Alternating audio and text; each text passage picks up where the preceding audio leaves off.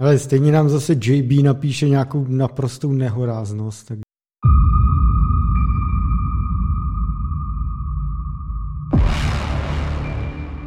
Dobrý den, vážení a milí diváci a posluchači.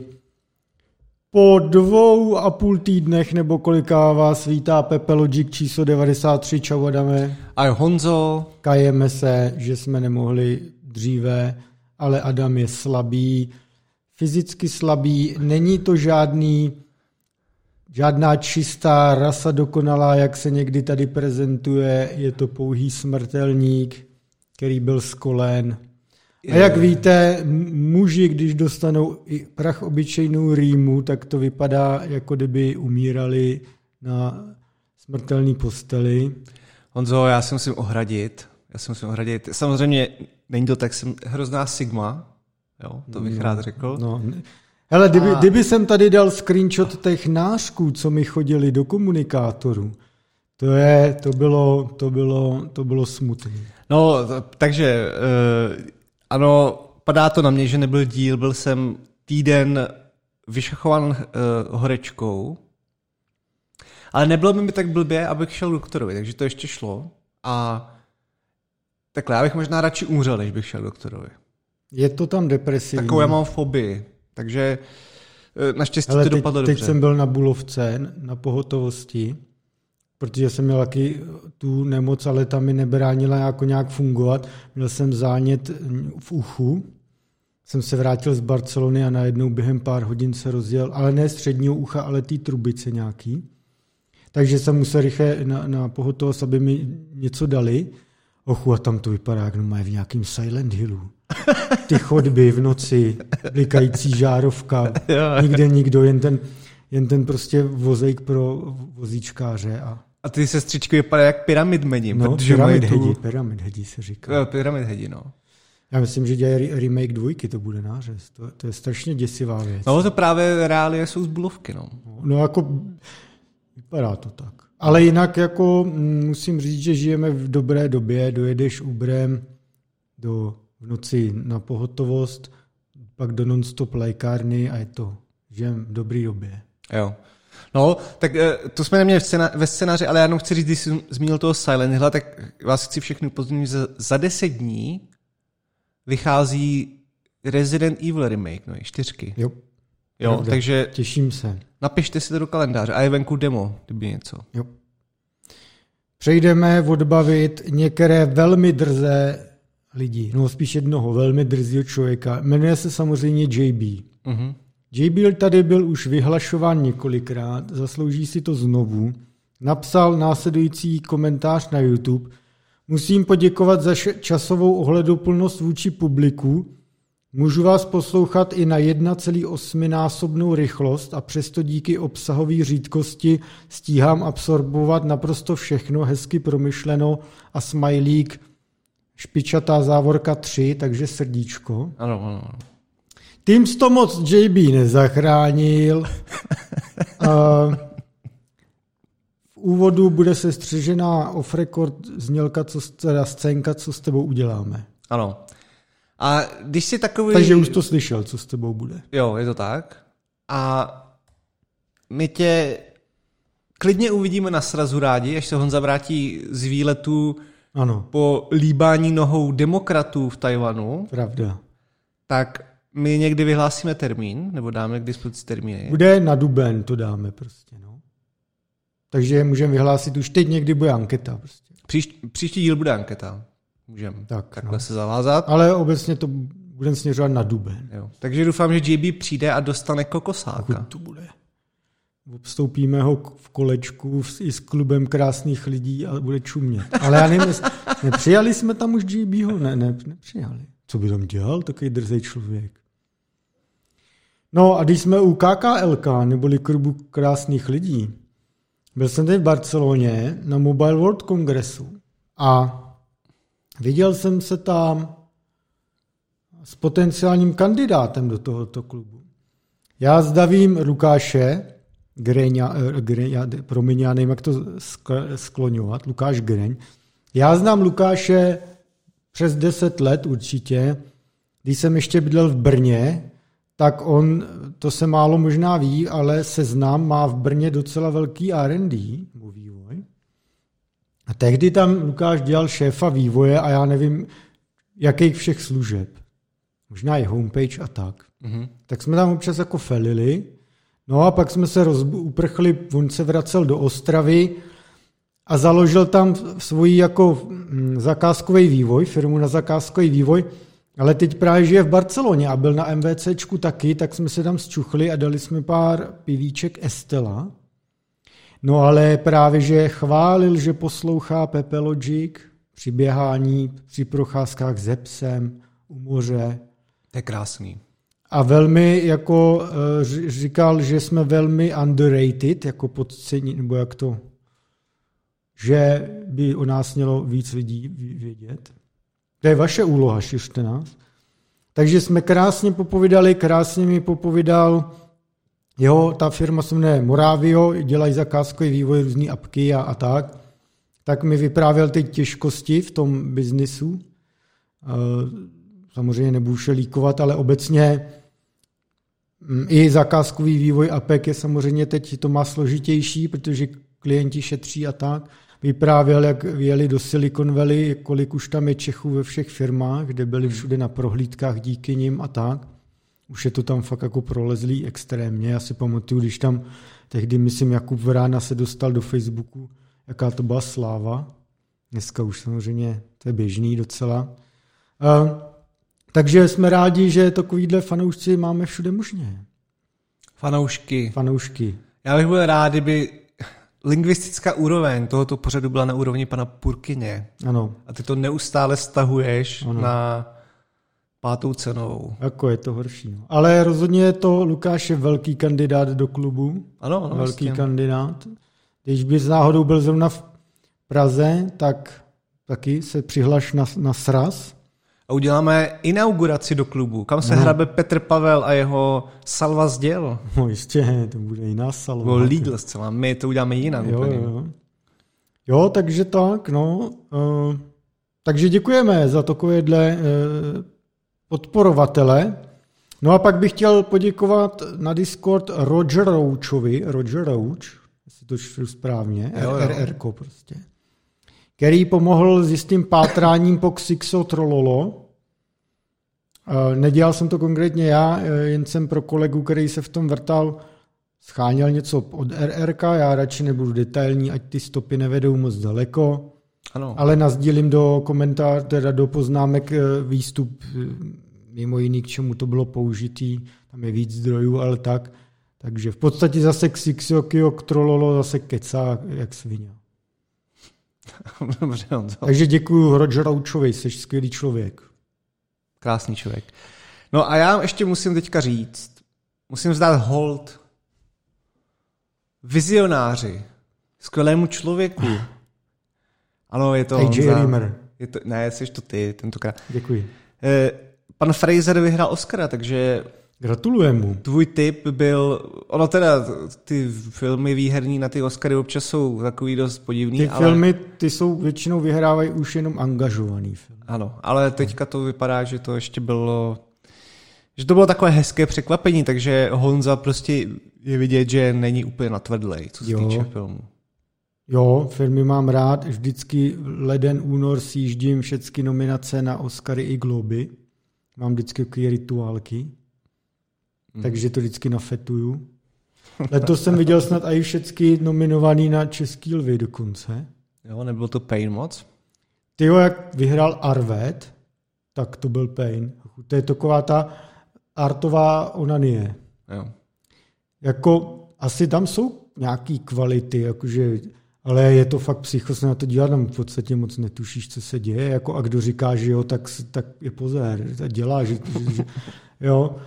Um, jako rozhodně je to zajímavé to vidět, vlastně na to koukáš, WTF, skvělý zvuk, jo. tak, ale no. OK. Takže tak. Takže no tomu gratulujeme a když jsme u audiovizuálních děl, myslím, že jsem to sdílel na Discord už, problém tří těles je k dispozici na, na YouTube 30 dílů seriál zadarmo, dáme odkaz i tady, A je to ta čínská verze, kterou vysílal Tencent, nebo spíš streamoval Tencent. A jen dodám, že se točí i západní verze, teda pokud vím, tak by se měla furt točit, kterou bude mít asi Netflix, nebo Amazon, teď nemyslím, že je Netflix.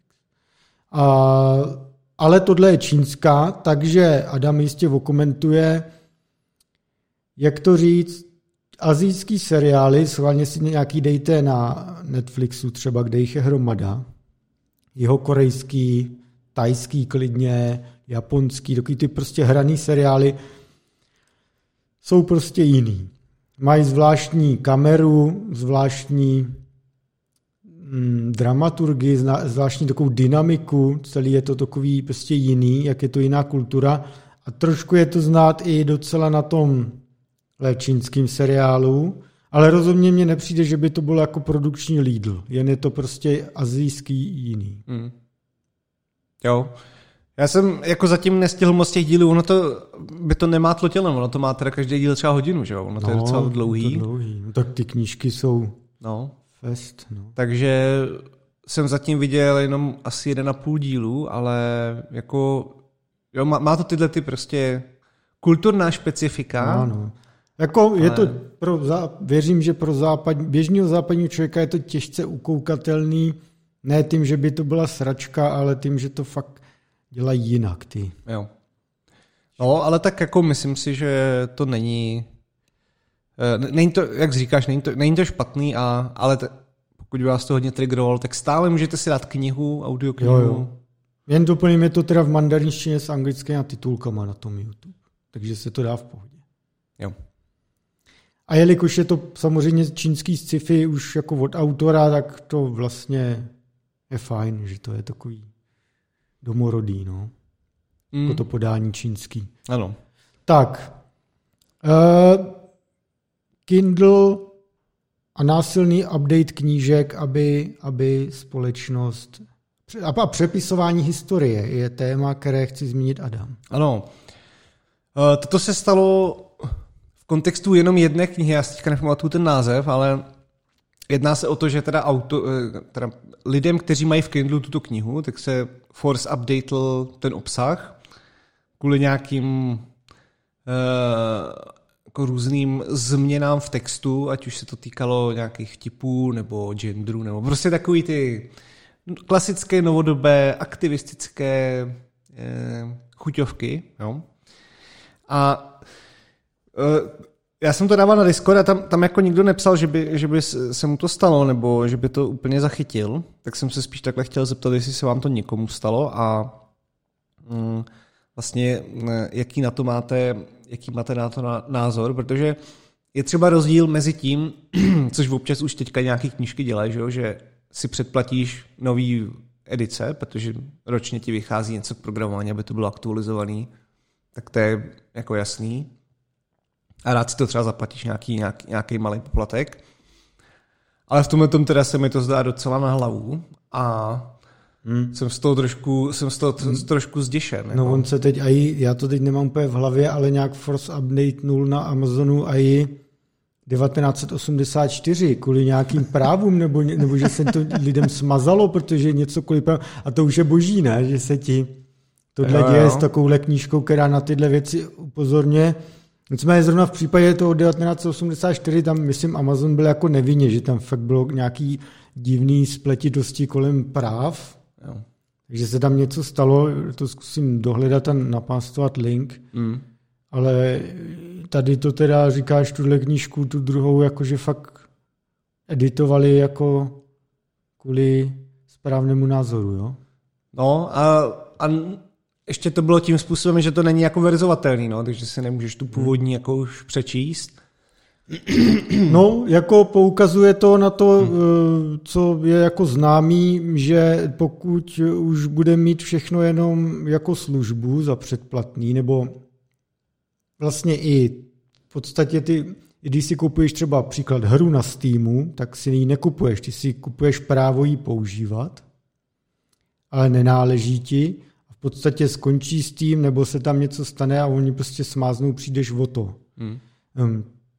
Jak, jak kdykoliv budeme už mít jenom tenhle přístup k datům, k obsahu, tak je tady vždy riziko, že prostě bude změněn nebo zmizí a je třeba prostě mít i alternativní cesty, archivování eh, digitálních věcí, třeba jako je Archiv.org a všechny možný zajímavé projekty, tak je to prostě potřeba mít. Ano. No, tam, já si vždycky u, to, těch situací vzpomenu na takový ty, já nevím, třeba před deseti lety a teď vystoupili lidi a řekli, jakmile bude cloud a všechno tady to a zbalíme se CDčka, už to nebudete mít, tak vám budou měnit pod rukama ty data. Všichni, ty jsi konspirátor, ty vem si prášky. Už je to tady. Jo, jako to riziko tady je, eh, někdy je vyloženě jako třeba právního typu, že vyprší licence nebo se tam někdo nedohodne na něčem, tak toto to, to je asi, řekněme, no jo, tak chápem, že svět je hmm. složitý, ale jakmile to začne zasahovat tak tímhle způsobem, tak je to teda velmi ne- nekůl. Ano, je to nechutné, je to nechutné. No, takže máme nějakou radu, kupujte si i jiné z jiných zdrojů a zálohujte si to, nebo já nevím. No, já mám... A chceme mít právo na bez DRM obsah, aby jsme si ho mohli sami zálohovat. Takže ano. děkujeme třeba Google, co se týče her, rozhodně neděkujeme Amazonu, který je proprietár. Hmm. No, mě, mě, mě to třeba vyhovuje u té u audiotéky, tam teda samozřejmě to stahuji s nějakým vodoznakem digitálním, jako v těch souborech. Jo, ale... nebo někde ti to jméno vloží do té knížky, uh, u, když kupuješ, myslím, na, třeba na Palm knihách e-booky. Jo, jo. Tak. Asi ale, možná všude. Ale u, to, u toho, u té audiotéky je dobrý, že si můžeš stáhnout, že prostě stáhneš si klidně vystřat ty, ty tři TLTSA nebo ta, ta trilogie, tak si prostě stáhneš 2 giga MP3 a máš to, můžeš si s tím dělat, co chceš. No, to je dobrý, no. A, a, to, a to mě připomíná, to si někdy dáme, dáme si téma o uh, ochraně autorských děl a jak vlastně a kam až se posunul jako vodoznakismus a copyright a tady ty technické možnosti toho chránit ty díla, když to potom někdo líkne. Ano. Myslím si, že to je docela zajímavý technicky vlastně mm, to per uživatele nějak tagovat. Jo.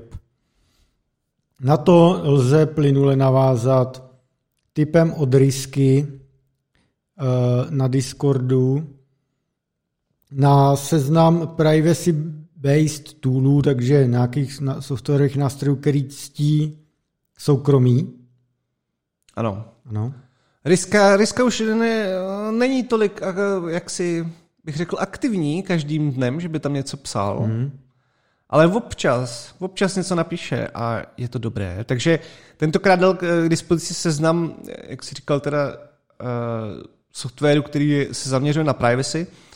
A je to teda mohutný seznam, který se hmm. týká úplně všeho od, já nevím, tu faktorů a různého logování po cloud storage, po uh, mailové servisy, prostě všechno, co tak nějak člověk jako používá, nebo Office, jo, prostě co vlastně bych řekl i úprava videa, když to už se taky skonzolidovalo trochu, nebo audia, že o, o tom Audacity jsme tady měli jedno, jedno téma, že tam už to taky není takový úplně open a e, nezávazný, ale je prostě plno služeb, který se stále snaží vás nevysávat při, příliš vodata a nabídnout hmm. vám možnost nějakého docela svobodného užití. Uh, takže to na tomto seznamu najdete. Já jich tam opravdu, já myslím, že třeba jako stovky, no těch různých aplikací. Jo, jo, je tam to hodně, já bych tomu neměl kojit, že to je super, tohle.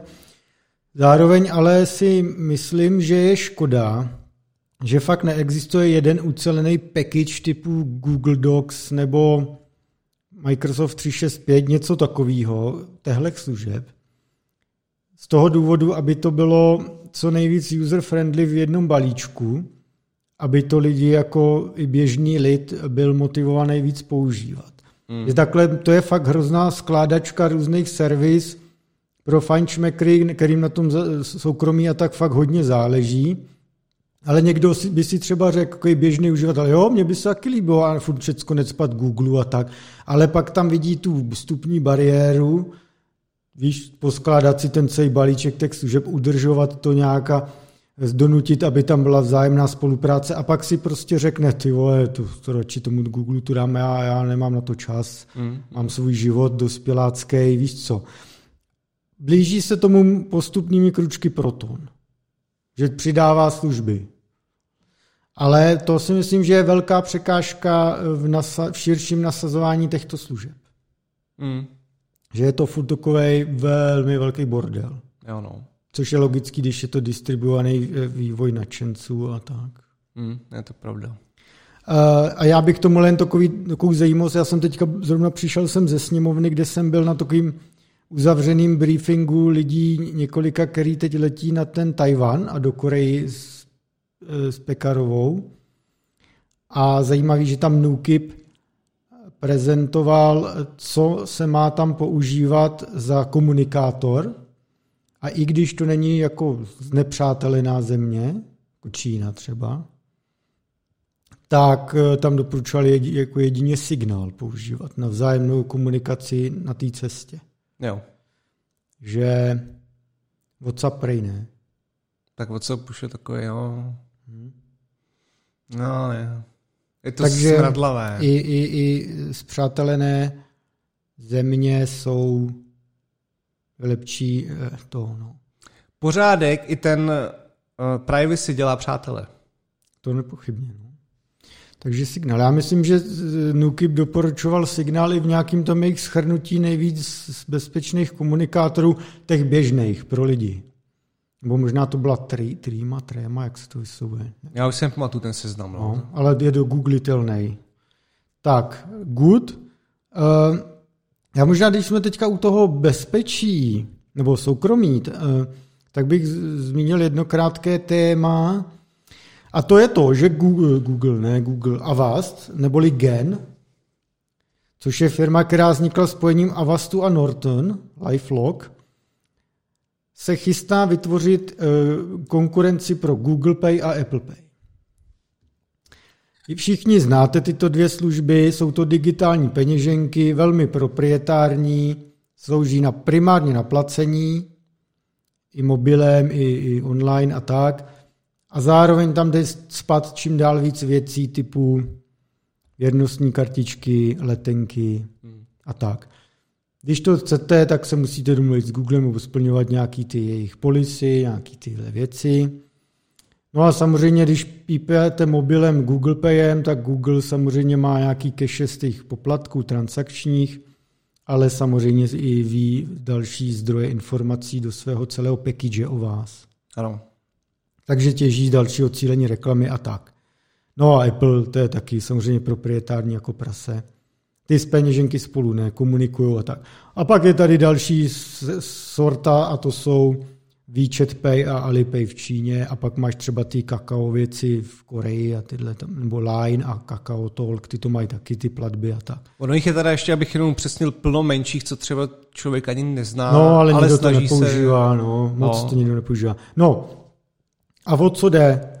Gen, teda, já tomu budu říkat Avast, eh, pod Linux Foundation, všichni známe, ten už má hromadu podsekcí na vývoj různého open sourceu, Eh, spolu založil novou sekci Open Wallet Foundation, OVF. Eh, zakládajícími členy je Avast, Visa, Accenture a FutureWay, což je prdel. FutureWay je americká odnož Huawei, zaměřená na R&D. A Huawei samozřejmě alternativní peněženky velmi zajímají, páč byl odstřižený od Google Pay mm-hmm. v Androidu a tak, kvůli sankcím. Ale jsou tam i další firmy, to už nejsou ty hlavní zakládající, eh, ty největší přispěvatele, ale třeba American Express, další důležitý platby, hlavně v Americe, Deutsche Telekom a nějaký další prostě.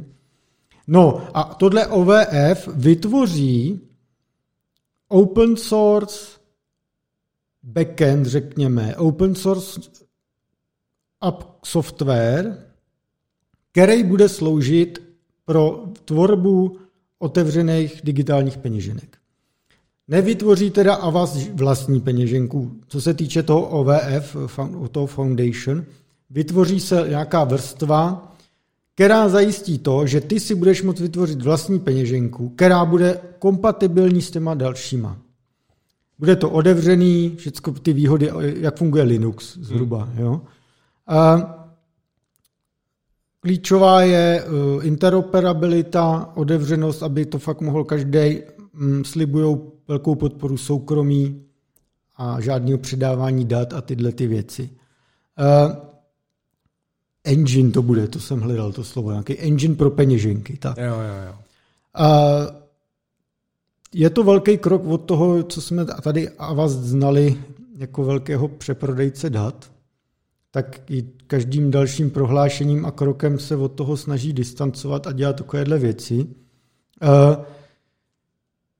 Samozřejmě jako zní to velice dobře a jak známe, jak v long term vždycky ten open source jako vyhrál. Linux sice na desktopu nikdo nepoužívá, ale jinak je úplně všude. Hmm. Jo? Eh, vidíme všechny ty Kubernety a já nevím, co všechno, všechno je prostě nějak postavené jako na tom open source. Takže teoreticky, kdo ví, třeba to může uspět. Eh, já jsem zvědavý, jaký projekty na tom budou vznikat, protože už jsme tady, myslím, zmiňovali, že Avast byl společně s CZNIKem součástí konzorcia, který má vyvinout pilotní projekt evropské peněženky v Evropské unii, kde je to, tam to řeší EIDAS 2, směrnice tyhle věci, takže předpokládám, že to spolu bude souviset. Mm. A mhm. taky a, a vás řeší tu decentralizovanou identitu SSI. A vypadá to na jeden velký masterplan tady v těch věcech. Uh, takže jako já se budu snažit k tomu nahlásit ještě do Avastu, až budu mít čas a nějak z nich dostat co nejvíc věcí, nějaký větší big picture, ale jak tak jako zní to sympaticky zatím, co víme, takhle. Jo, já chápu teda, že v tom nemáš nějaký zatím eh, super znalosti, ale to mm, placení, no ještě, ještě ne. to by bylo nejen jako klasickým způsobem, ale mohl bys teda napojit možná na to i s nějakým prostředníkem, i že bys platil nějakým kryptem, nebo to, to ne, nevíš to, úplně to, jako, to nevím, to nevím, ale určitě to má být univerzální peněženka i, i na platby, ale i třeba na, uh, já nevím, že ti třeba škola vystaví certifikát o absolvovaném titulu nebo o získaném titulu a tyhle věci, že by to mělo být fakt komplexní digitální peněženka na tyhle věci. No, tak to je super, no. no. Takže přejíme jim to, oni už v Evropské komisi taky zaznívají snahy, jak donutit ty hlavní dvě peněženky Apple, Google nějak interoperabilitě a tak, uvidíme, no, co z tohle. Ja. Je to zajímavé, že tohle je pod Linux Foundation Europe, to je totiž evropská odnož. Tady se právě kolem toho EIDASu a tak ty věci jako dějou, nějaký snahy, tak třeba se s tím něco... Hmm. Jako rozhodně se do toho teď si víc ponořit, tak až budu něco víc vědět, tak bychom to tady zase probrali. No. Ano, ano. Takže tak. Uh, Adam, Adam má, chce poreferovat, četl blog eh, firmy Unity, kde je popsáno, jak se, popis, jak se dělala voda v Avatarovi, v tom novém, hmm. který je skoro celý se odehrává na vodě nebo ve vodě. Takže je tam ta voda důležitá. A já, když jsem byl na novém Avatarovi, tak jsem se nudil jako prase, protože ten příběh je otravný. Hmm. Ale co je fascinující, tak byla ta voda. No. Hmm. No, já, já jsem na tom ani teda nebyl, ale mě to právě neláká vidět, protože mě to nebaví. Už, tady, už u té jedničky jsem upěl, v kině, to jsem byl v kině teda s kámošem. No je to taková Pocahontas slomeno tanec vlky, nebo, nebo poslední samuraj taky, takový to... Chu, ale vlky to je jiná úroveň úplně. No jo, to je líp natočení, ale ta premisa je stejná, že máš nějakou tu starou, starou usedlíky a přijde tam ten kapitalista to zničit a zorat. Ano. Tak ten premisa je podobná. Ano. No. Ale tanec velký. Tanec velký je samozřejmě ta tanka. Říkají bizon, ne? Ta, ta tranka. Ta tanka. To já mám taky oblíbený, já mám rád, ano, tanec velký. No, no. takže a bylo to teda, uh, bylo to teda o té vodě, ono plno věcí z toho uh, vyvinul Oni to mají takový podivný název, to Veta Digital, ale je to s těma takovýma čárkama, já nevím teda, jak se to píše, jako nebo no. čte, pardon. A vlastně to je teďka divize Unity, takže proto je to na Unity blogu. A je tam hodně jako videí a ukázaný, čemu se věnovali a jaký používali rovnice a jak třeba řeší ty bublinky, které pak postupně jako eh, který se tvoří na hladině, že jo, a pak, a pak postupně mizí. Ano. A je to jako by trochu z rychlíku, jo, nejsou tam žádný technický vyloženě detaily, jako, jako nějaký rovnice nebo shadery, nebo že by popisovali celou úplně tu, eh, celou úplně tu věc zatím, ale je to aspoň v náznaku hezky udělaný. A eh, k tomu bych ještě řekl, že bylo video, jak oni se jmenují, Corridor Crew, uh, což je taková parta lidí, oni se věnují jako uh, trikům filmovým, jo. Mm-hmm. A ono teda plno těch dílů je takových docela lídl, mi přijde, protože se to bere, jako není to moc, moc jako technicky do detailu, jo. Což je jako fakt blbý, nebo že to ti potom nic nedá. Jako, jsou tam třeba lidi, kteří dělali přímo na těch efektech, mm-hmm z těch filmů, takže to jako jsou tam lidi z filmové branže, ale občas je, se to hrozně tak jako plácá na obecnostech. Jeden z těch dílů, ale co byl nedávno, tak byl zrovna taky o tom Avatarovi, o té vodě a tam byly docela technické zajímavosti a ten člověk o tom mluvil uh, jako ne, nebál se toho jít do, do detailů, byť pro většinu populace to asi nebude jako moc nápomocný, ale bylo to fajn z toho pohledu, že jsi mohl trošku jo. dozvědět něco zajímavějšího. Takže, takže ten taky doporučuji případně. Krásně. To je všechno k tomu? Ano. K tomu se hodí téma, Adam chce krom tohoto blogu doporučit i článek a to je článek o historii 3DFX, což pro mě, když jsem viděl tohle logo, tak zhruba na základní škole jo, vždycky tak normálně to bylo jako modla. To byla věc, to byl v té době pojem jako prase, že jo, 3D FX Voodoo. A samozřejmě jsem vždycky 3D FX Voodoo chtěl a nikdy jsem ji neměl. Já jsem pak přišel až na ty Riva TNT2, myslím, a, a ty pak nějaký, a to už a GeForce a tak, ale 3D FX byla modla, což jsem nikdy neměl, ale doteďka tu firmu velmi jako uznávám. Měli mm. tehdy proprietární apíčko Glide, který mít v určitý době znamenalo ten, tu revoluci v 3D grafice, akceleraci. Ano. Takže se těším, co k tomu povíš. No, eh, ten článek je poměrně dlouhý, takže já ho nebudu předříkávat celý, ale je to právě o... Mm, je to i částečně o začátcích a, a vývoji Silicon Graphics, o hmm. vlastně... SGI? Eh, potom je to o formování právě předchůdců, třeba OpenGL, což byl Iris hmm. GL.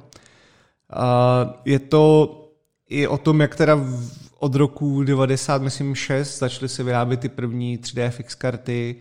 Je to trošku o tom, jak eh, se to snažili vlastně evangelizovat spát těm studiím, že aby no. na tom začali vyvíjet, protože uh, myslím si, že známý určitě je třeba tím Quake, že, třeba, který předtím měl softwarový rendering. Jasně, dlouho měli ty eh, hry softwarový no. rendering. A potom, potom právě, jak jsi mluvil o tom Glideu, tak pak tak, taky s Karmakem se dělala uh, právě nová verze, která byla na, na, nacuclá už na to nový API. Jo.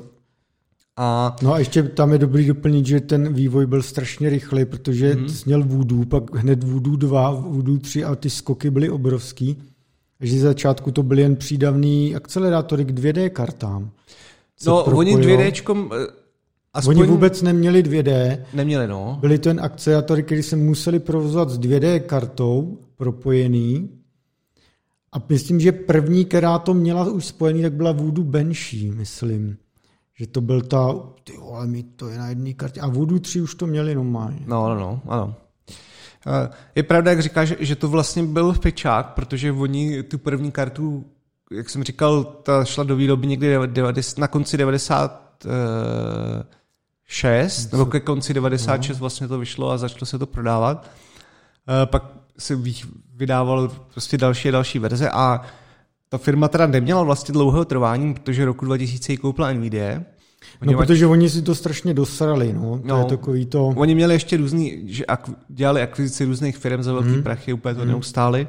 Výrobu, uh, blbý licencování, No, No. no. tam to hodně, no. A uh, byť ta firma netrvala dlouho, tak prostě je na tom i fascinující to, že vlastně to byla taková revoluci start, startující jízda bez ní, a bez nich by to prostě bylo bůh ví kde. Byť No. ta Nvidia se o to taky snažila, No, ale samozřejmě... ta na to navázala velkolepě samozřejmě, no, No. ale... Takže je to, je to prostě fascinující příběh. Dočtete se tam i něco o lidech, kteří to zakládali a obecně o tom fundingu, jak to bylo propojené třeba Jo. s Ázií a Ano. eh, kde různě na to sbírali prachy. A já právě bych chtěl i říci, že by bych úplně strašně moc uvítal, kdyby třeba z tady toho, z těch let 90 až 2000 nebo 2003 se- byl třeba čtyřdílný dokument, jako dlouhý, jako, do, jako film, jo, jako dokumentární, právě o vývoji tady těch technologií a vo všech těch Jo, firmách, které se jo. kolem toho motali, jak vlastně, jak došlo vůbec k těm eh, k těm různým jako synergiím těch No, různých tam firem doporučuji a... tu knížku Chip War, Jo, jo. která to bere už teda od, dejme tomu, tranzistoru, ale i dál, i k tomu, už k tomu ASML, jak vzniklo TSMC a, a tak. Ta, ta určitě tyhle aspekty má, ale máš pravdu, protože já samozřejmě, když jsem na základce odebíral časopis Computer a Chip a, a, a GameStar a všecko a tohle jsem hltal, tak samozřejmě internet byl úplně v plenkách, tam se dozvěděl prd o tom, anglicky jsem neuměl nic, že jo, na základce. No, no. A i když jsem tím žil, ty malé technologiemi, tak zjistíš vlastně, že o nich nic moc nevím. Že jo? Dvou, dvoustránkový článek ve skore o 3DFX tím moc nedal. Jako co si budem říkat, to, bylo, to nebyly valné kvality ty, ty texty. Jo? Jo, jo. Jo, takže máš pravdu, že vlastně kdy- kdyby něco bylo ultra uceleného, tak by to bylo super. Ale fakt jako se šťávičkou, žádný takový ty povrchní Wikipedia keci. No, ne jako- povrchní. No jasně, no. Aby to, aby to byly tam ty právě zajímavosti, ty bitky mezi firmama, kterých tam bylo taky hrozně moc, aby tam byly rozhovory třeba s těma lidma, pokud ještě žijou, což oni nebyli jako zase tak starý. No, asi někdo už nemusí žít, no. Ale eh, takže to, to, by, to bych jako, to bych zhltnul jako malinu. No, Ale to bohužel není úplně, takže si musíte, jak Honza zmiňoval knihu, anebo teda si aspoň přečíst tento článeček a třeba si k tomu dohledat další věci, ale byla to fascinující doba, no. hrozně rychlá, hrozně roztříštěný technologie, žádný prostě, že by DirectX všecko diktoval, jeden API vládne všem. Tam tisíc různých standardů, všichni se mydlili, jako když jste koupili kompa, za rok byl na hovno, No. vyhodit, koupit novej. A ty bitky byly, že jo, Microsoft ten se snažil ty directy taky, taky tlačit a vlastně no. ne, nesnášel ty ostatní apiny. No, no. A, a hlavně, jo, to jsi trošku na to jako narážel, ale mm, že používání těch, eh, těch grafických API, tak prostě byl ale strašný shit, protože ono kolikrát Ano. to bylo Ano. pro nějaký showcase to fungovalo dobře, ale když jsi potom na tom chtěl jako hru, tak vlastně to bylo zabagovaný, nebo půlka věcí ti nefun- byl to, nebo ti nefungovala vůbec rasterizace jako na nějakých projektech pro, jako z různých zase dalších technických důvodů. Prostě byl to úplně, byl to punk jako prase, neskutečný. No já si pamatuju, já jsem vyrůstal prostě, že když úplně na začátku na DOSu, že jo. A pak jsem migroval postupně na Windows 95 a tak. A já jsem neměl samozřejmě jako osmiletý smrad ponětí něco o DirectX a o těchto věcech vůbec, že jo. Já jsem sice docela mistrně ovládal MS-DOS a různý autoexeky, ale jako pak najednou úplně nový set. Já jsem si třeba z nějakého přiloženého CDčka z nějakého časopisu, že tam je demo na Tomb Raider nebo něco. Ale už pod Windows. Jsem to spustil a teď mi to furt hlásilo chybí vám knihovna d3d.dll a jsem nevěděl, co to je. A že už jako začal vznikat tak jako Direct 3D vůbec. Jsem ně, několik měsíců podle mě zjišťoval, jsem nevěděl, já jsem myslel, že na to nemám grafiku nebo něco. Jo, Pak jo. jsem nainstaloval DirectX, říká, aha, protože v té době DirectX nebyl součástí Windows. Defaultně. A ono to bylo dlouho, i, i, jsi to musel sám doinstalovat, i ty nové No. verze jsi musel řešit, no, no. Přesně. Takže byly zajímavé doby. No. Jo, to, ti, to jsi nedostal nic zadarmo, chu. No to ne, ta, tam to hraní bylo za odměnu a vlastně tě pak už ani tolik nebavilo jako louskat ten problém, proč to nejde, že jo? No, cesta Někde, je cíl. Honzo. A vlastně i ty 3D akcelerátory, oni vlastně udělali to, že to brutálně zrychlili tu hru, to je jasný. Nebo i práci s grafikou, jsme hráli hodně si v té době s 3D Studio Max. Mm. No ale vlastně ta grafika třeba v těch hrách, ona vlastně byla rozmazaná, že ty textury byly rozmazaný, když to, když to byl software rendering, tak byly kostičkovaný a ve výsledku možná byly trošku hezčí, jo? když s odstupem času, že to mělo aspoň nějaký ksicht, když to tuhle jsou hnusný rozmazaný textury, dneska na to koukáš jako ty vole. Jo, to je pravda, že bylo tam období, kdy než došlo k tomu přechodu na ten silnější, na ty silnější, jako na to no. železo, tak uh, to ne, nebylo úplně vábný, no. Nebylo, no, ale Každý si vzpomíná na trůhelníkově kozatou. Ano, nebo na Turoka, kde a, a všecko. Ježiš, byly benchmarky. Ty. No, Strašně nudná hra, ale vždycky jsme to pouštěli první level a všem jsem to ukazoval. A tak to byl jiný svět, že to byl úplně... No. Ježíš Maria, miloval jsem to. Jo, bylo to takové objevující. Nicméně Hmm, dobře, dobře, já taky ještě tady proberu menší věci. Dvě datacentra v Česku bych chtěl zmínit. Jo. Zmiňovali jsme, že Microsoft bude mít datacentrum asi teda v Praze, vypadá to. Já ne, doufám, že už jsem to tady nezmiňoval, ten update. Eh, vyzjistil jsem, že ty vybudu, náklady na vybudování budou 5,5 eh, miliardy korun, za miliardu a půl Microsoft koupil pozemek, to už jsem tady zmiňoval, v Praze od CPI, od Radovana Vítka. Nyní jsem zjistil, že již založili samostatnou firmu v Česku, kterou šéfuje Irská centrála a mm, poslali do ní něco přes 4 miliardy korun. A je to teda ta firma, co by měla ten datacentrum už jako stavět. 4 miliardy korun, no mm, v Polsku stavěli něco asi za miliardu eur. Jo. Může se to zdát jako málo, ale teďka navážu takhle, furt je to gigaprojekt na Česko. Mm, třeba TTCčko, to nový datacentrum byly maximálně tak vyšší stovky milionů. Záleží taky, jak se to počítá a tak. A, a teďka právě, a to je vlastně to, Jediný update, co k tomu zatím mám, je to v chodu. Projekt se dělá. Uh, už tam je nalitý kapitál. Aj. No ale uh, abych to dal právě do kontrastu, že to rozhodně nebude malý, tak seznám, seznám uh, zrovna pár dní zpátky, kdy natáčíme, tak odevřel nové datacentrum v Benátkách nad Izerou a celý, celý i s nákupem pozemku vyšlo na 300 milionů. Jo? Samozřejmě seznám to datacentrum není obří housingový, hostingový datacentrum typu TTC nebo co má T-Mobile, tu DC7 a tyhle. A to taky nejsou žádní giganti v nějakém evropském rozměru. Je to pro jeho interní účely, ale je to za 300 MB s pozemkem, takže asi ten, ten scale se dá od toho odvodit, jak moc to je na Česko velký. No a tomu seznamu byl jsem sám podívat. Dobrý je říct, že to pro seznam je to druhý datacentrum vlastní. Jedno už má zhruba tyjo, 8 let, 7, něco takového, tady v Praze, v Horních Počernicích. A teďka má druhý, nově rozjíždí, rozjíždí protože roste rychleji, než čekal. Nejvíc to ženou ku podivu pořád data z full textů, z full textového vyhledávání a z e-mailu. Oni tam třeba dělají doky ty skopičiny, že když si třeba lidi rozesílají nějaký přílohy k e-mailům a jsou furt stejný, tak oni ukládají jen jednou, že? aby se šetřilo místo. A to je na jinou debatu. Ale furt ku podivu to není žádný video třeba na stream.cz a tak, ale furt to žene full text a, jo, jo. a e-maily. No a takže prostě rostou, uh, mají tam docela velký pozemek, 17 000 metrů čtverečních, to aktuální datacentrum má 12 metrů čtverečních.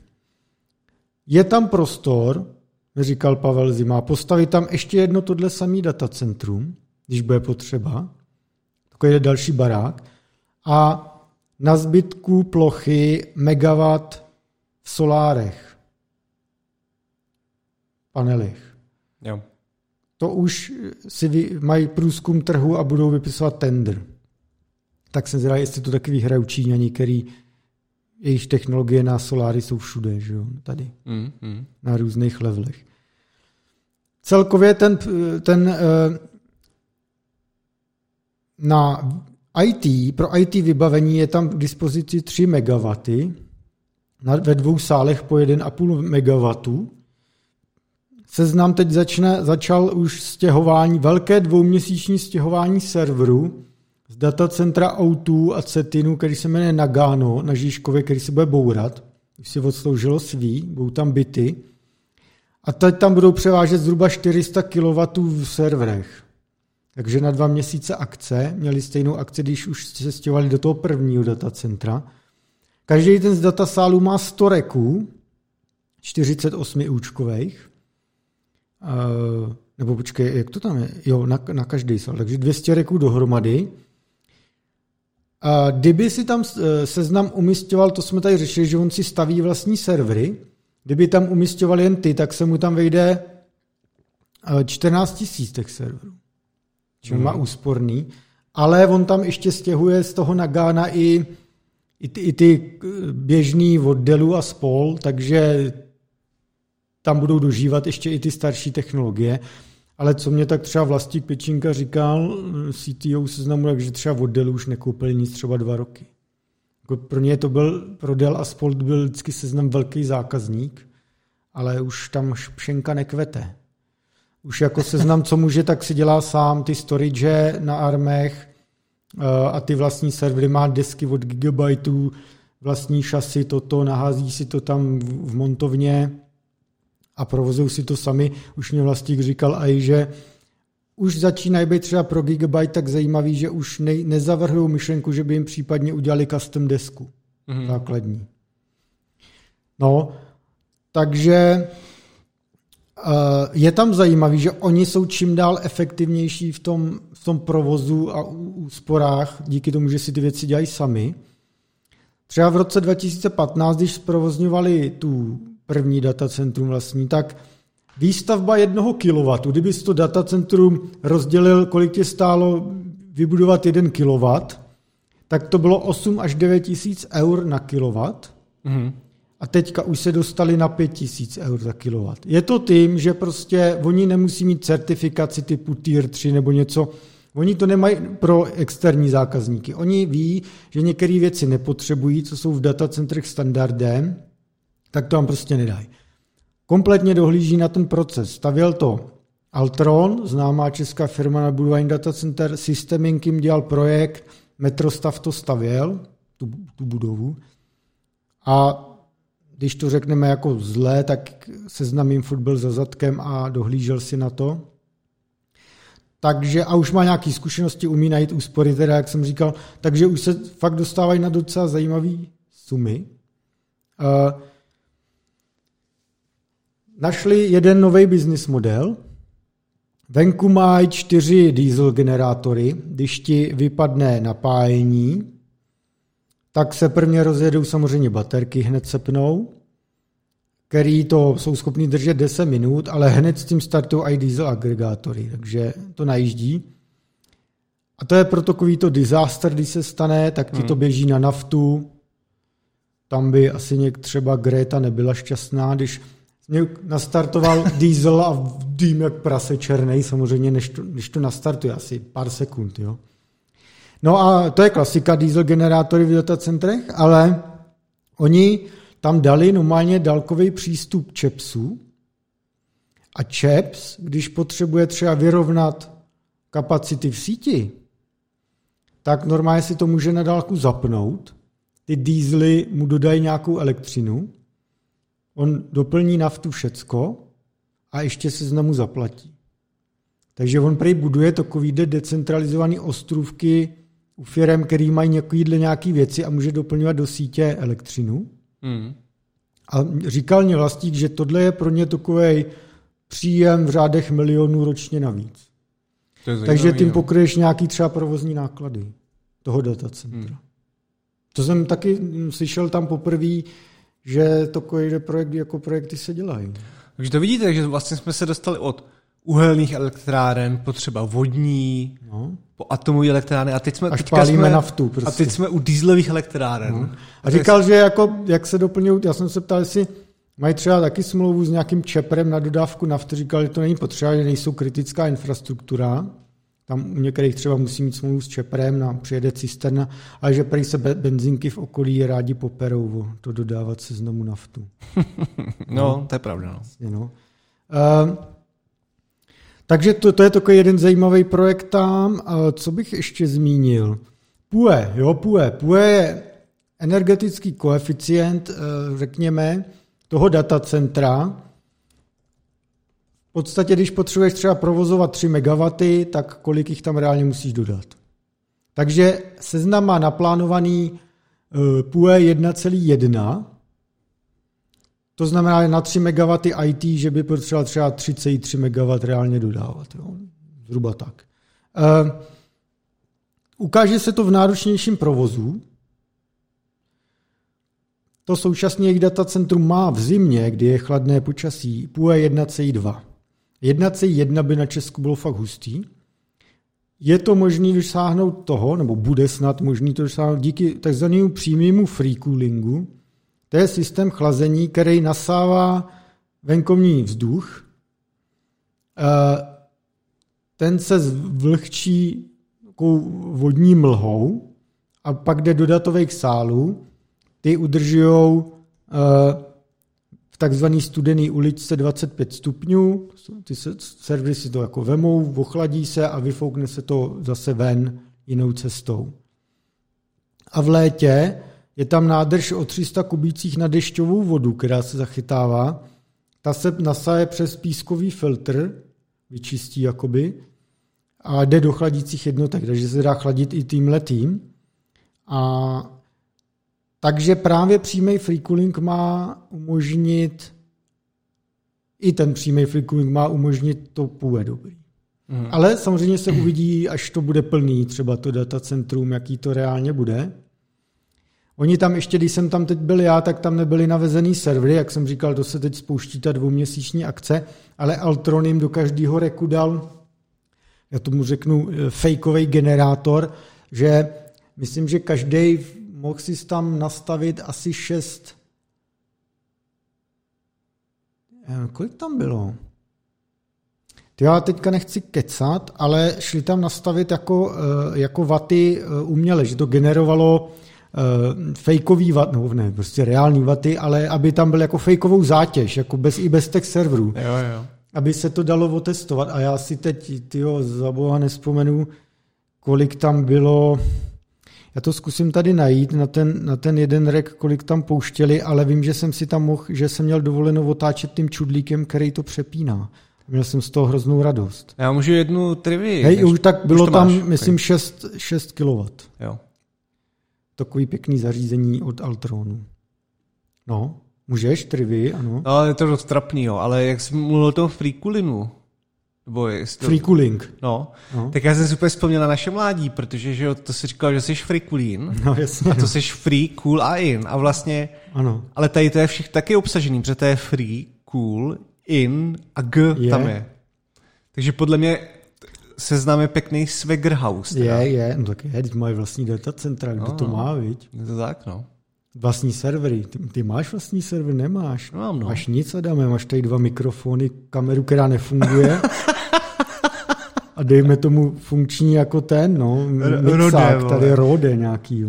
Jo, dobrý, no. Jo, eh, já nevím, já možná nazdílím ještě nějaký galerie a nějaké věci, abych to tady neprodlužoval. Jsou tam pak jako nějaký takový ty standardní věci, jako přípojky od Setinu na, na, na to, na dark fibery, vlastní nasvicování těchto věcí a tak. To už je takový, to i uvíc datacenter se dá vidět. Mají tam docela hodně prostoru na baterky, protože eh, ty přebírají tu, eh, tu případnou výpadek napájení ale jak tam budou do budoucna i soláry, tak samozřejmě se budou dát skladovat ta energie v těch baterkách a tak. No, takže takže hmm. takhle bych to zatím nechal. Ještě eh, můj jeden dotaz k těm, k těm dieselovým generátorům. Ty to můžou valit tak dlouho? 24 hodin. Jo, 24 hodin. Ale to už jako, a, a pak mezi tím ty tam samozřejmě benzínka dovalí, a dovalí další na, jako tu naftu, takže oni to teoreticky jde udržovat docela dlouho. Samozřejmě se i stane některým datacentrům, že jim ty dízly nenaběhnou a pak to vypadne. Stalo hmm. se to tuším naposledy master internetu, eh, takže oni se to testuje průběžně jo, a tak. A, a jinak eh, ty dízly jsou čtyři, každý má 1850 kW, kilo, kilovolt ampere. Složitý no. slovo. No. Hmm. Takže je pěkný, to je pěkný. Gratulujem všem v seznamu. Byl tam na odvíračce nějaký, já nevím, kdo to byl, nějaký asi možná starosta Benátek, nebo to, to v průmyslové zóně, tak byl nadšený, že konečně tam někdo postavil něco, protože seznam kupoval skelet, to byl už postavený skelet, měla tam být nějaká automotiv, montovna nebo něco, ale nevyšlo to, tak tam stál skelet, ale seznam to koupil, protože je to kousek od Prahy a hlavně tam bylo už stavební povolení, takže se to dalo postavit za rok, když byl hotový projekt. To je hodně rychlý, no. Bylo hodně rychlý. No a tak si tam, to asi pan starosta, nevím, někdo z města, tak si liboval, že to je konečně někdo a navíc, že je to první high-tech tam a jen tam žehral, že tam nebude nikdo pracovat. No. Což je pravda, oni tam vlastně reálně, tam dohledový centrum, že jo, nějaký tyhle, ale hmm. jinak tam tolik toho zas na práci není. No, no objem udělaných obědů z místní hospůdky to nezvedne. To ne, to, příliš. to ne, to ne. To určitě ne. Ale třeba to tam vytvoří poptávku po R&D centru, hej, nevíš. Hmm. Nevím, třeba taky ne. No, tak eh, to by bylo asi všechno. To bylo všechno jo. k tomu. Adam chce zmínit, co se děje s bankama. Ano. Nebo dělo, nebo děje pořád. Jen tak, jen tak jako lehce, mám k tomu spíš nějaké ještě poznámečky na doplnění.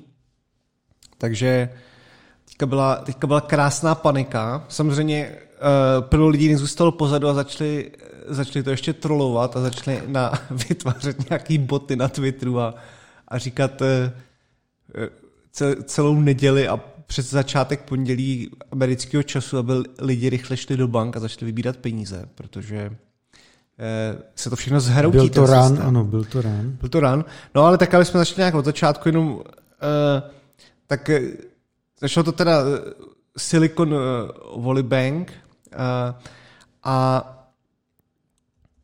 tam bych chtěl říct jedn, jako dvě důležité teda věci. Tam, tam snad byly statistiky, že uh, okolo půlky snad VC money, co jsou narejzovaný ve firmách právě, tak protekli tohle banku a byli tam držený. Je to tak, tak ano. Což znamená, že plno firm z té, z té banky platili že jo, výplaty, nájmy, no. kanceláří, prostě uh, úplně všechny životně důležité věci. Dám rychlou suvku, bavil jsem se teď s jistým majitelem startupu z Česka, že teď má kolegu zrovna v Silicon Valley a že v podstatě se to úplně zastavilo tam, mm. chod, a že měl nasmluvaných nebo domluvených desítky schůzek a všechny odpadly a že letí domů. Hmm. No. No, to, to musela být dobrá jako čočka. Eh, co, co já jsem si na tom, eh, to, to možná zmíním později, ale mm, klasicky to bylo tím, že prostě špatně řídili riziko a ty no. úplně... Ale nejlepší prdel vidět ty lidi, co to řídili, kde předtím pracovali, Lehman Brothers. Koho to překvapuje? City Group. To nikoho nepřekvapuje. no. Kujoni.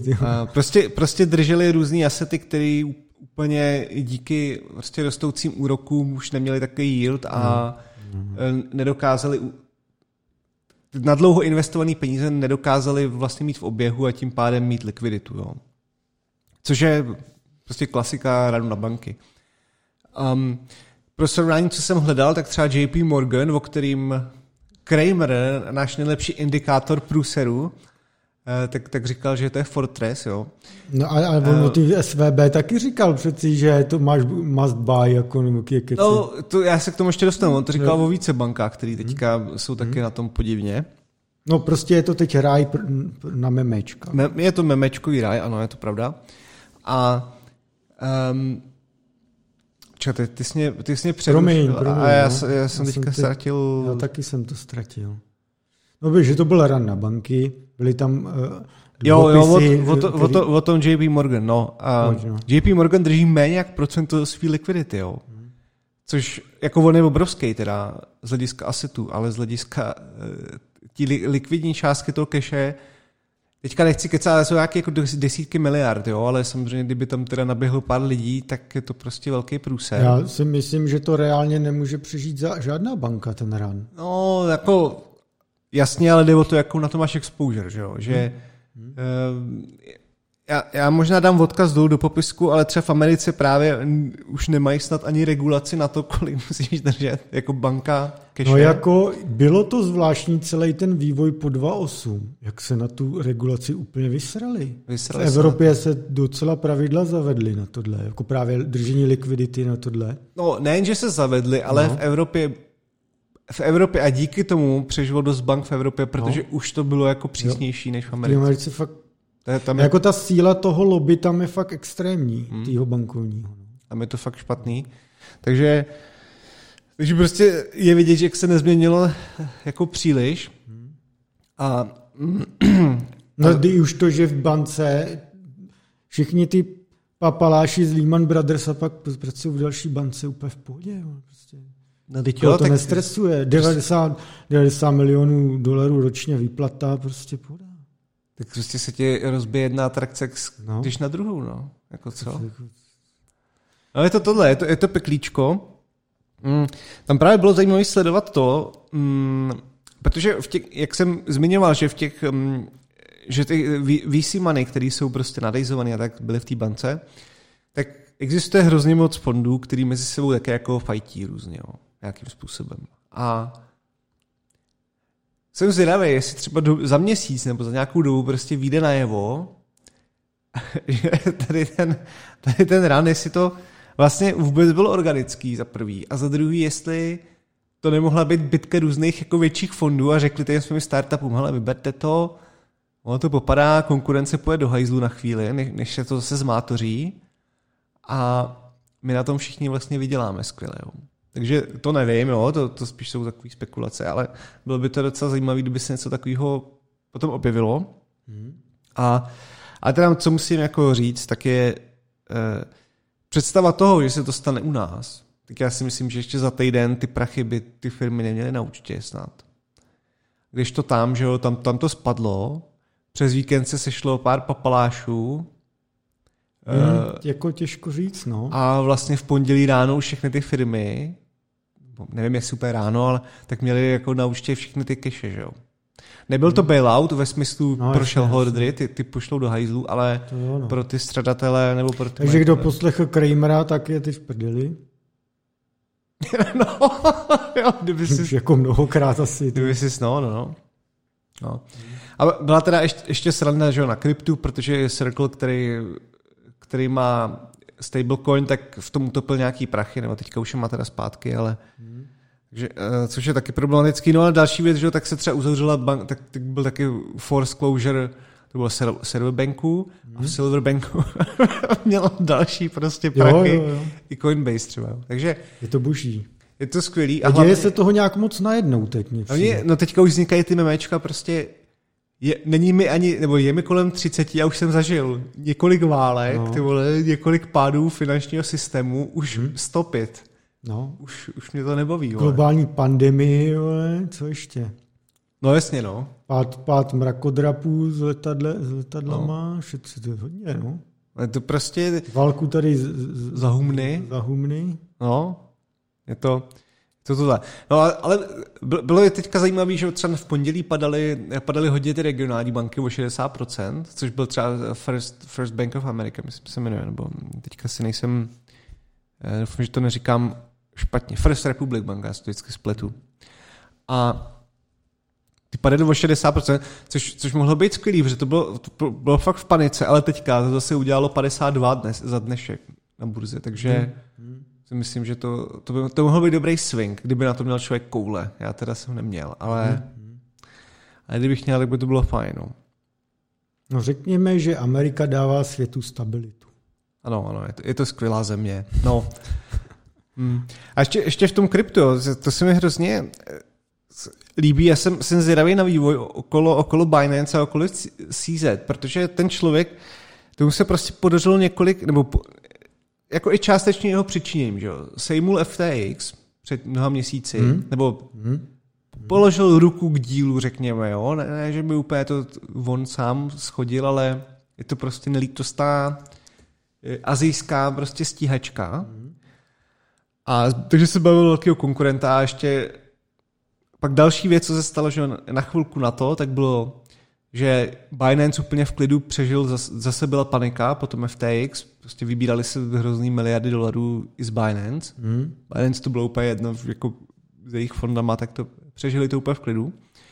Prostě jsou velmi testovaný časem a veškerýma průserama, který se na sebe neustále kupí i v tom kryptu, i v tom finančním světě. A jako docela, docela dobře to vždycky ustáli a jsou celkem v klidu a taky mají že, svůj stablecoin, respektive hm, prostě ně, ně, něco, s čím operuješ místo amerického dolaru. Ne, nemají tolik velkou exposure třeba na americký finanční systém, že oni tam ani nemůžou tolik jako fungovat v Americe, tam spíš to má zabraný Coinbase. A, mm-hmm. No ale Coinbase teďka s tím poškodilo reputaci jako prase, že jo, protože, a, protože to tak, tak, jako využíval ten, ten stablecoin. Takže pro CZ se, se otevírají neustále lepší a lepší příležitosti, jak vlastně kolikovat ten trh a je to fakt fascinující sledovat, jak on eh, je, je schopný se v tom navigovat. A je teda trošku cringe jako z mé strany, že, že jsem takový jeho fanda, jo, jako mm-hmm. milovat miliardáře, ono to není, to člověk by neměl dělat, jo, ale já mu je tak fandím docela, protože mi přijde, že minimálně z hlediska risku se o to jako dobře stará, nebo není moc jako divoký. A co jsem ještě chtěl říct, tak eh, jak, jak už přes ten víkend vyřešili tu likviditu a nalili to těm firmám zpátky, jak jsem si říkal, že to je možná trochu škoda. Teď je jako, než by byl zlomyslný, ale kdyby se to nestalo, tak bych chtěl vidět, kolik těch firm, i velkých firm, který mají svoje CFO a prostě finanční oddělení, tak vlastně kolik firm reálně řeší interní eh, risk management jako finanční? No jo, no jasně. Protože si myslím, že to taky nebude jako velká paráda v těch firmách. Asi tolik, kolik jich řeší cyber security, no. No, že to opravdu, jakože fakt z toho je strašný průse, že plno těch firm to určitě nemá nějak rozházený. Myslím si, že ani, ani české firmy na tohle kolikrát nemyslí, že mají prostě jeden účet nebo několik účtů u jedné banky a vlastně to neřeší. Nebo třeba některé kraje a města, kteří mají jeden účet u jedné ruské banky. A... No to bylo taky ostrý, no. to, to je skutečně. Třeba myslím, myslím si, nevidím do toho, ale myslím si, že třeba, nevím, třeba Rohlík, že, který už má jako mezinárodní prostě funding velký, tak věřím, že i ty samotné fondy na ně tlačí, aby to měl diversifikovaný Ale nevím, způsobem. to bychom asi spekulovali, ale je to dobrý téma o tom něco někdy podzjistit a poptat se, jak to mají. No. Jo, myslím, jo, no. určitě. Jako i to je, ne, nevím, jak no. jsem, tak i pro tebe asi by to bylo zajímavé. No, to, je dobrý tip, to je dobrý tip. Otázka je, jestli o tom ty firmy budou chtít. A jako... pokud no. kdo někde je otevřený docela dost. No, to je pravda, no. Zkusím se poptat. No. no. Takže je to, uh, je to, je to divoká doba, vypadá to, že teď, teďka, mm, teďka se to nějakým způsobem trochu aspoň stabilizovalo, byť třeba se uzavřela ta Silvergate banka, hmm. která vlastně na tom nebyla tak špatně, jo, ale začíná spíš prosakovat, že, že eh, tam jako nebyly to úplně super zdraví, ale se to spíš zavřelo kvůli jejich propojení na krypto. A co je příjemné, aspoň teda pro mě, nevím jak pro ostatní, ale že třeba Bitcoin je teďka za 26 tisíc, ještě před týdnem byl 20, nebo hmm. něco A to je roste díky tomu, že lidi zase vidí tu důvěru někde jinde, že v tom kryptu, nebo jak to je? Co, co, co se děje? No, as, asi to bude podpořený tou panikou, že tak ono tam bude i plno spekulantů, kteří vycítí, no. že, že lidi chtějí jako Jasně. jít do jiných asetů, ale chtěl jsem říct, že pokud, pokud by ná, velký nástup Bitcoinu na velkou hodnotu měl jít přes pád finančního systému v Americe, tak je to oběť, kterou jsem ochoten, jsem ochoten přijmout. A samozřejmě si toho trochu dělám srandu, protože kdyby tohle padlo, tak máme trošku jiný asi starosti. O to asi, jo. To, to bychom se tomu tolik nesmáli. Byli jsme rádi, že vůbec uploadneme na YouTube ten podcast. No. No. Ale je to prostě krásná doba, co se děje. Je to, je to fascinující sledovat. no, sledovat jo, nechtěl bych být úplně vždy součástí těch průserů. No, no, no. Ale jako takhle pozorovat, to je samozřejmě, to je, to je kofola, smažáček a čipsíčky a jen se na to dívat. Jo, jo, je to skvělý. Vždycky mé oblíbené neřesti. No a poslední věc, co jsem k tomu chtěl říct, tak uh, doporučuji, ono, i, jako, ani ty evropské banky na tom nejsou úplně skvělé, jo. Uh, o, o Credit Suisse, Jo, jo, jo. neboli Credit Suisse, což je MMEčko, že jo, Ano, ano. tak uh, se mluví taky delší dobu, jejich akcie. No tak, já by mě by zajímalo, co hníje za průsery zase v Deutsche Bank. To je vždycky najednou se vyro, vyrojí největší průser z Deutsche Bank. No, bude to divočina, protože opravdu pl, plno, jako dávají se i reporty SEC, že jo, i z evropských bank, protože oni obchodují celosvětově. Eh, Credit Suisse tak už odkládá zase prostě několik snad týdnů jako ten report, který má podat a je to všechno netransparentní, nějak, nějaký je to podivný a s tím kreditem je to nějaký divoký už jako několik měsíců. Jenže samozřejmě o tom víš prdlajs, protože ty se to dozvíš, až když si nevybereš prachy z bankomatu, jo, většinou. No, když už, už je pozdě, no. Už je to v hajzlu. Takže to taky bude zajímavé sledovat. No, je to, je to celý nějaký, celý nějaký sus to je. No. A až se zase něco stane krásného, tak o tom budeme jistě informovat. Uvidíme, jestli nebudeme muset třeba rozvážet mm, třeba Volt, Nebo prodávat své tělo. nebo prodávat své tělo, nebo prostě dělat nějakou přivydělávací, abychom vůbec mohli tady zaplatit internet a uploadnout video. Ano. To je vše tomu zatím Ano, takhle? ano, je to Budeš vše. to asi sledovat, ne? Já taky tak nějak po voku, tak zase třeba příště. Jo, zase, bude nějaká sranda, tak No. Takže tak, eh, máme ještě čas docela, to zvládneme. Rychlou věc bych zmínil. Vývoj konkurence pro chat GPT, tedy ten, toto krásné LLM, tedy jazykový model, povede Čech. Stanislav Forst žije v Silicon Valley a byl najat do společnosti Stability AI, která stojí za Stable Diffusion. Eh, Zdravíme Ondřeje Červinku, zavináč Ondřej Červinka na Discord, kde si to rozjel na lokále teď a prodává to klientům. No, mo- morální kredit toho to může, je, Je zajímavý. to je níž než Fed v podstatě. Tak. A tato, tato společnost Stability AI vytvořila novou divizi, nebo jak to říct, na LLM. Že nebudou už dělat v úvozovkách jenom ty obrázky, Stable Diffusion, ale i zatím bezejmený LLM. -ko. Kontaktoval jsem samozřejmě Stanislava. Stanislav je velmi, mm, řekněme, schopný mládenec, který dělal pro Google Brain a DeepMind a má PhD na Stanfordu a předtím dělal co ještě, já nevím, myslím nějaký Cambridge nebo teďka přesně nevím, ale Stanford vím, že má, jo. A mám s ním naplánovaný ještě jako podrobnější povídání, takže je zatím mi jako řek, že chtějí vytvořit LLM, který bude plně jako open, podobně jako to Stable Diffusion, řekněme, ve smyslu, že si ho budeš moct rozjet sám, že to bude všechno průhledný, široký možnosti fine-tuningu, customizace, vlastního trénování a tak. Aby nevznikaly nějaký blackboxy uh, a podobné věci. Asi, asi si rozumíme. Uh, když třeba přistupuješ k nějakému LLM jen přes APIčko, tak tam je samozřejmě hromada rizik. Uh, někdy ti můžou, může se stát, že nebudeš souladu s jejich podmínkama, uh, podobné věci, že budeš odstřížený, že nevíš, co se tam děje a tedy, co se používá, co, co je vlastně s tvýma datama se děje a tak.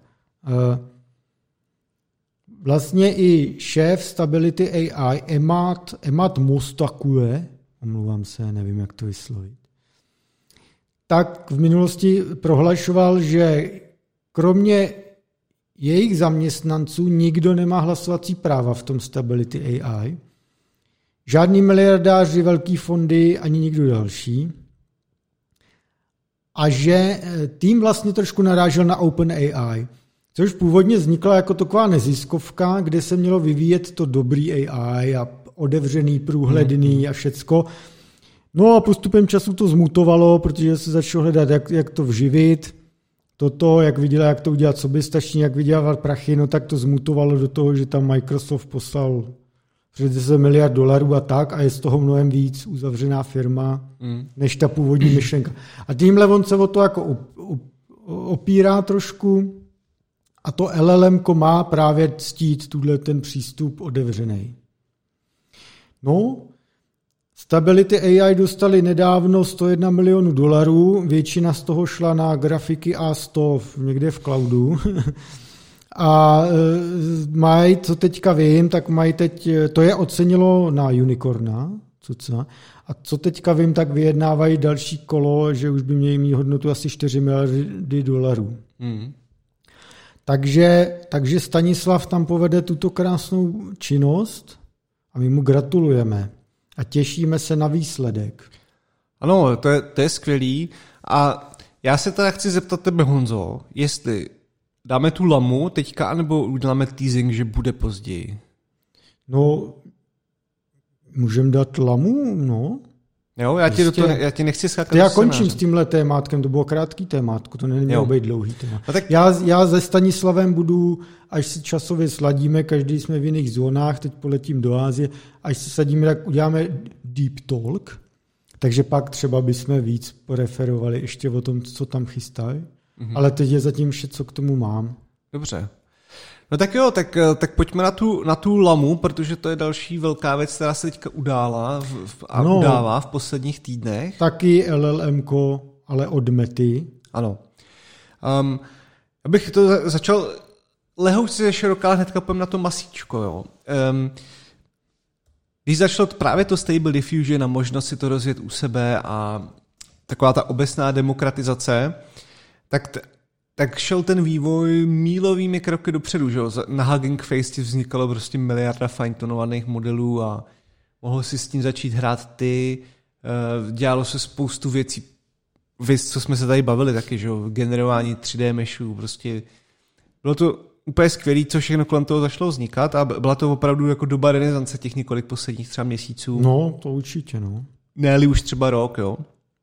A ty, eh, ty large language modely tak vlastně nebyly, řekněme, v tomto smyslu takhle akční, protože, jak jsi zmiňoval, OpenAI to takový, ten to drží close, že jo, v ostatní velké firmy i v Asii to taky nějak neuvolňují. No, tu ne, no. Uh, ta, ta obrovská bariéra toho vstupu, že jo, tak je drahý hardware, nějaký A-stovky, prostě jako sám si prostě to ne, nerozjedeš jako právě Stable Diffusion a tedy. A a lidi, lidi tak, takže do toho nemohli jako příliš, um, příliš jako bouchat a nějak se do, jako zkoumat, co to umí. No a z řešení právě přichází teda Meta a vydává, teda, vydává Lamu, L, L Lama. Crazy Lama Funny Lama, Lama in the car Lama. Dobře. Co pamatuješ na ten, na to memečko s tou písničkou? Ano, ale Eh, snažím se být trošku profesionální, jo, Honzo. Dobře, dobře. Ale děkujem. No, a, což je teda eh, kolekce různých eh, language modelů, různě velkých, od 7 miliard parametrů do 65 miliard parametrů, což bylo vydané někdy na, na konci února. Jo? Řekněme před třema týdnama, nebo před čtyřma. No. A ty, ty modely, jak jsou různě velký, tak prostě Eh, má to jako různou schopnost se s tebou bavit, samozřejmě ty nej, ale ty větší jsou, řekněme, GPT-3 like, jo, takový hmm, jako, ano, ano, ano. aspoň obsahem informace jsou velmi podobný. Tady možná dám malou vsupku toho, že ten model mm, úplně, když říkám jako GPT-3 like, tak je to ve smyslu opravdu znalosti, není to ve smyslu schopnosti s tebou komunikovat. A je to z toho důvodu, že mm, to přizpůsobení lidskou interakci, aby se z toho mohl normálně ptát, jako právě GPT, tak se tam musí jako vlastně injektovat následně a různě se to fine-tunovat, jo. Mm-hmm. A tady právě teďka ta poznámka plyne z toho, že na, na Stanfordu releasenuli Alpaku, což je právě fine-tunovaný model Lamy, mm-hmm. jo, vychází to, je to přesně ten model od toho Facebooku, a který je fine-tunovaný na 52 tisících, eh, je to instruction following, a, který právě už se chová podobně jako třeba text DaVinci 003 od OpenAI a tím, tím pádem s ním jde jako pěkně, eh, pěkně komunikovat a nebylo to zase tak, řekněme, drahý. Jo? Um,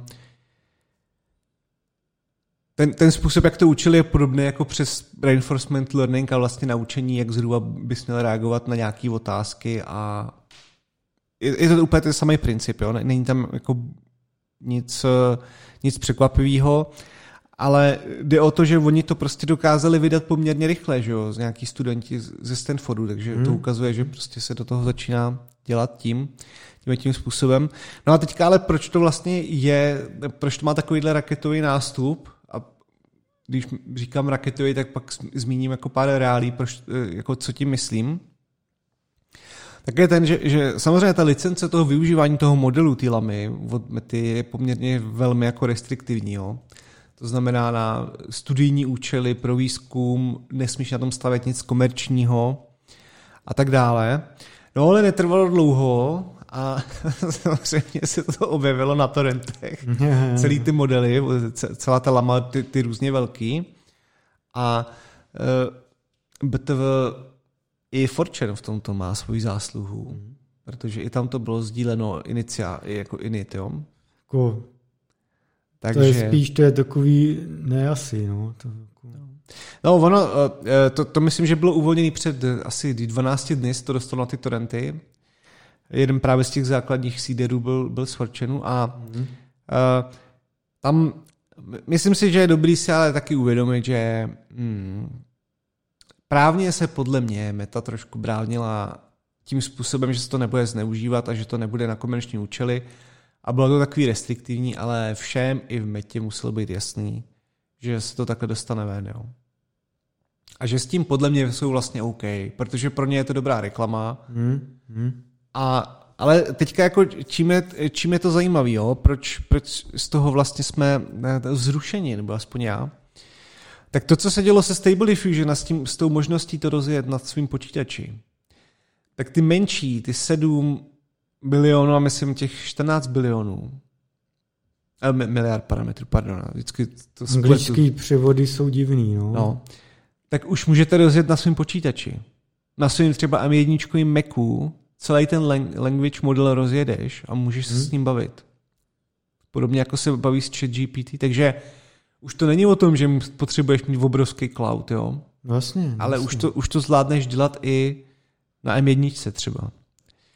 A já dám odkazy tam na, na to, jak to třeba rozjet. Je to od uh, Georgi Gerganová. Uh, ten udělal El Lama CPP Project a ten vlastně uh, se stará i o to, že, že on dokázal zkomprimovat ten model natolik, aby se to právě šlo na paměti jako jo, těch, řekněme, spíš moderních, teda třeba karet, ale jako na 3080 a tedy už to v pohodě rozjedeš, jo. Budou dole i odkazy na to, jak si to rozjet i na Windowsech, jo. Nejde jenom o Mac a M1, i na Windowsech to rozjedete. Uh, a jako pro, pro nějaký swapování a tak je třeba dobrý mít nějaký 32 gigový ramky, Mm. A je fajn, když má člověk třeba 3080, 90 a, a jde, jde to na těch nižších kartách, jo?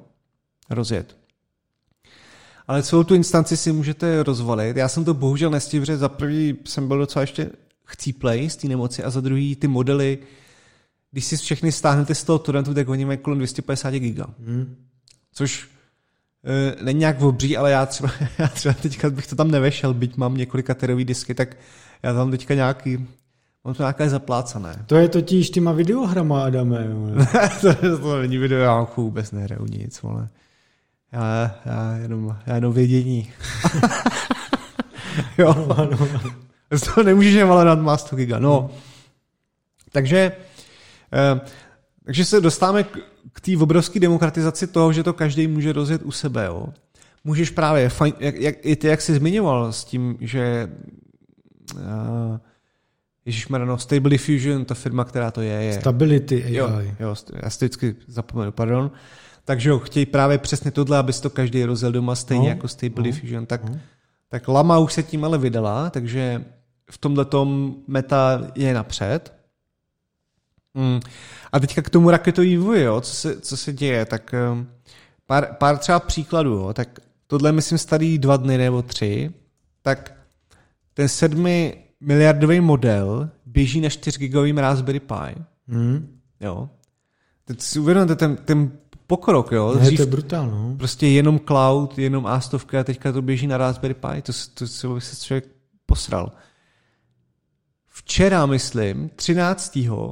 to první, to nějaký vocas rozjel na Pixel 6 hmm. phoneu. Tak generování ty odpovědi trvá třeba i pět minut, jo, na otázku. Ale ale jde to. Hele, jako, je to jako dům na těhotenským těstu. Na těhotenským testu. Jo. Je to na hovno, ale jde to. A to je důležitý. A to je důležitý, no. Ale prostě na posraným telefonu. To je úplně neskutečný voser. Je voser, nářez, pardon. Hmm. A to, a to jsme na začátku, jo. To teďka, že ani ne měsíc s tou lamou lidi pracují. Je, je totiž fakt, že se obecně na ten na ty LLMK a tak vrhlo strašně moc lidí a že to akceleruje teď ten progres, no. Mm. Že se na to fakt vrhla lavina všech lidí a no. Díky tomu to jde tak rychle dopředu, si myslím. Hlavně teda samozřejmě je na tom zajímavý to, ta nezávislost na těch cloudech a že už, že už to uděláš u no. sebe. No. Což nás ale vede teda na, na jako problémy obavy, jo, kterým jsme si mysleli, třeba v minulém díle, nebo před minulém jsme, když jsme probírali mitigaci těch problémů s language modelama ve smyslu spamování botů, šíření různých prostě narrativů nebo dezinfa nebo č- čokoliv jako na sítích, co by se mohlo automatizovat, tak prostě jsme si říkali, no jak ono, když je to v cloudu, že jo, tak to není tak hrozný. No ale boom a najednou už to mají lidi ve svých pařátech a Gin je venku z lahve, už se to nedá zastavit, jo. A budem, budeme se tomu muset jako nějakým způsobem postavit dříve než, než později.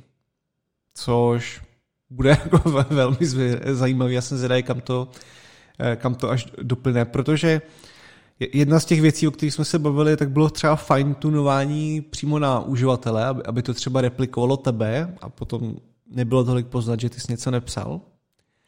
A uh, možná se možná se můžeme taky dočkat té krásné doby, že to bude jak v Black Mirror, jak ta epizoda, jak umřela, eh, jak umřel ten manžel, že jo, a mm. pak mu přijel robůtek, který měl v sobě neuronku, která přesně odpovídala language modelem jeho manželovi. Eh, to vlastně dělá, zdravíme Artura, který nás poslouchá ze Somnium Space. On má, to je tam metaverse decentralizovaný, tak on tam má projekt jako nesmrtelnosti, je to samozřejmě velký jako nadsázka, jo. jo, jo. Že tam taky seš vlastně v těch brailech a, te, a tak, tak že chce sbírat data o tobě a pak tě zhmotňovat v, v tom světě. A teďka jsme si psali na, na komunikátoru, že už právě integrují taky eh, GPT do toho světa. Takže hmm.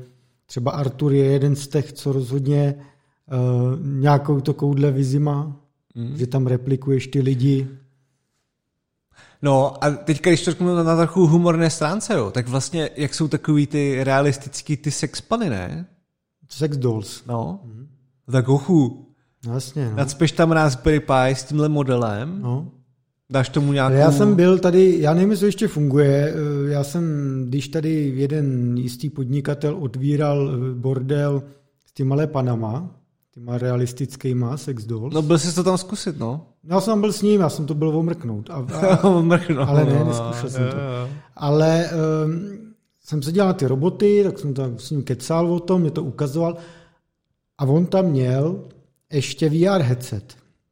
Když jsem mohl za příplatek dát VR headset, ale samozřejmě běželo ti tam jen normální porno.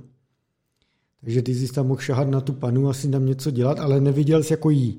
A jeho vize byla to na, namapovat, sladit s ty panou ten jo. VR obraz, aby si tam asi mohl, abys měl ten eh, věm, protože on to má jako jakoby skoro kůži, ale jako není to jako úplně, není to pocit z kůže, ale taky to není pocit z gumy.